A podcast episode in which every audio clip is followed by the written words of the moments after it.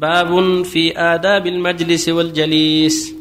عن ابن عمر رضي الله عنهما قال قال رسول الله صلى الله عليه وسلم لا يقيمن أحدكم رجلا من مجلسه ثم يجلس فيه ولكن توسعوا وتفسحوا.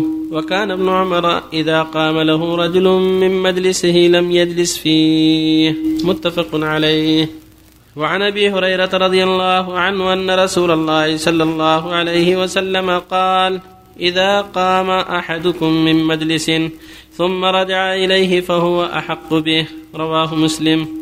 وعن جابر بن سمرة رضي الله عنهما قال كنا إذا أتينا النبي صلى الله عليه وسلم جلس أحدنا حيث ينتهي رواه أبو داود والترمذي وقال حديث حسن.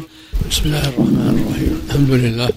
صلى الله وسلم على رسول الله وعلى آله وأصحابه. أما بعد فهذه الأحاديث ما يتعلق باداب المجلس والجليس. يقول النبي صلى الله عليه وسلم لا يقيمن أحدكم الرجل من مجلسه ثم يجلس فيه ولكن تفسحوا وتوسعوا. إذا دخل المسلم على إخوانه وهم في مجالسهم فلا يقيم أحد مجلسه لأن السابق أحق بمجلسه ولكن يشرع لهم التوسع والتفسح حتى يتسع المجلس بالزياده ولكن تفسحوا وتوسعوا. ولكن لا يقيمهم مجلسه لأن هذا نوع من الظلم وهو السابق. وكان ابن عمر رضي الله عنه إذا قام له أحد لم يجلس فيه. والظاهر بن عمر أن هذا من باب التورع. يخاف أن يكون أنه قام إنما قام حياء. فلهذا كان يترك الجلوس فيه. أما إذا عرف أنه ليس بحياء وإنما قام لما يرى من حقه عليه كأن يقوم لأبيه أو جده أو أخيه الكبير أو شيخه فلا بأس بذلك إذا جلس فيه ولكن التوسع والتفسح أولى. هذا هو السنة. ويقول صلى الله عليه وسلم لا يقيم الرجل رجلا مجلسه ثم يسير ولكن تفسحوا وتوسعوا. وكانوا الصحابة إذا دخلوا جلسوا حيث ينتهي المجلس. إذا جلس دخلوا على النبي صلى الله عليه وسلم والناس قد أخذوا مجالسهم كل واحد يجلس حيث ينتهي المجلس. حتى لا يكلف أحدا ولا يزحم أحدا. كذلك إذا قام الرجل مجلسه ثم رجع إليه فهو أحق به. كان في مجلس قد يقوم يتوضأ أو يأخذ كتاب أو يأتي بكتاب أو ما أشبه أو مصحف فهو أحق بمجلسه إذا رجع إليه. أما إذا قام من مجلس ورجع إليه في وقت آخر يعني مثل الظهر يرجع العصر مثل العصر يرجع المغرب لا. إنما هذا المجلس الذي سبق إليه ثم قام لحاجة فهو أحق به.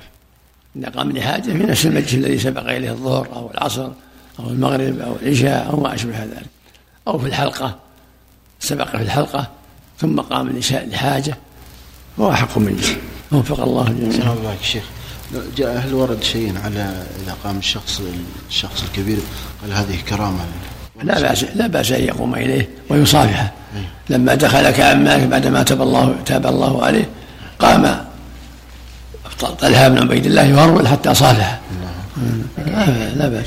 ولما جاء سعد بن معاذ ليحكم بني قريظة قال قوموا إلى سيدكم فقاموا إليه وصافحوه وأنزلوه من حماره. نعم. جزاك الله خير. الرجل كله صلى ركعتين من النافلة. يذكر ربه يقول أستغفر الله أستغفر الله ثلاث مرات ثم يقول اللهم أنت السلام ومنك السلام إلى آخره. هل هذا هذا الفعل هذا هذا السنة لا سنة. سنة. نعم.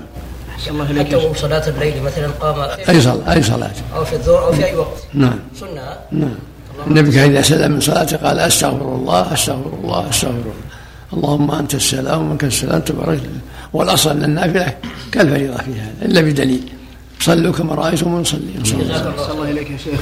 من كان مسافرا على قدميه وأراد أن يصلي صلاة الوتر وهو يمشي. ماذا يفعل؟ يقف يقف. يقف ويصلي. بخلاف الراكب الراكب يصلي على دابته وهو جالس. أما هذا يقف ويصلي يجلس. يجلس في أي مكان يريد ويصلي أنواع الوحي أحسن الله فيه. كم؟ كم هم؟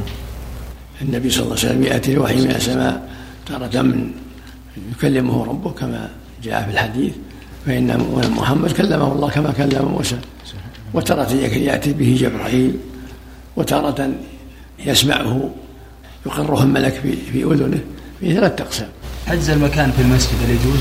لا ما يجوز لا المجلس لمن سبق إذا كان جالس ثم ذهب فهل له أن يضع شيء يحفظ المكان؟ لا لا لا إذا رجع إلى مجلسه فهو احق به قام يتوضأ نعم. أو قام يأتي بحاجة نعم إذا كان حجز يا شيخ بالنسبة لحجز المكان آه، عند درس بين الإقامة والآذان في العشاء الإنسان يأتي يتنفل ثم ينتظر درسه وإذا جاء ساعة الدرس يضع كتابا أو شيئا في مكانه ويقرب إليك هنا لأجل أن يستمع.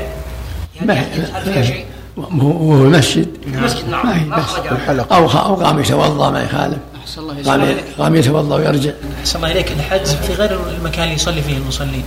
يعني مثل المسجد صار أحسن الله إليك آه، درس الأحد والأربعاء الحجز عند مكانك أحسن الله إليك. يعني أضع الكتب وأخرج. الظاهر ما ينبغي من من سبق في الحلقة ومن سبق في الصف الا إذا سبق ثم أعرض جزاك الله خير. إذا سبق ثم أعرض له عارض. قام يأتي بكتاب أو قام يتوضأ وهو سابق. والحكم أما يجي يحطه ويروح لا.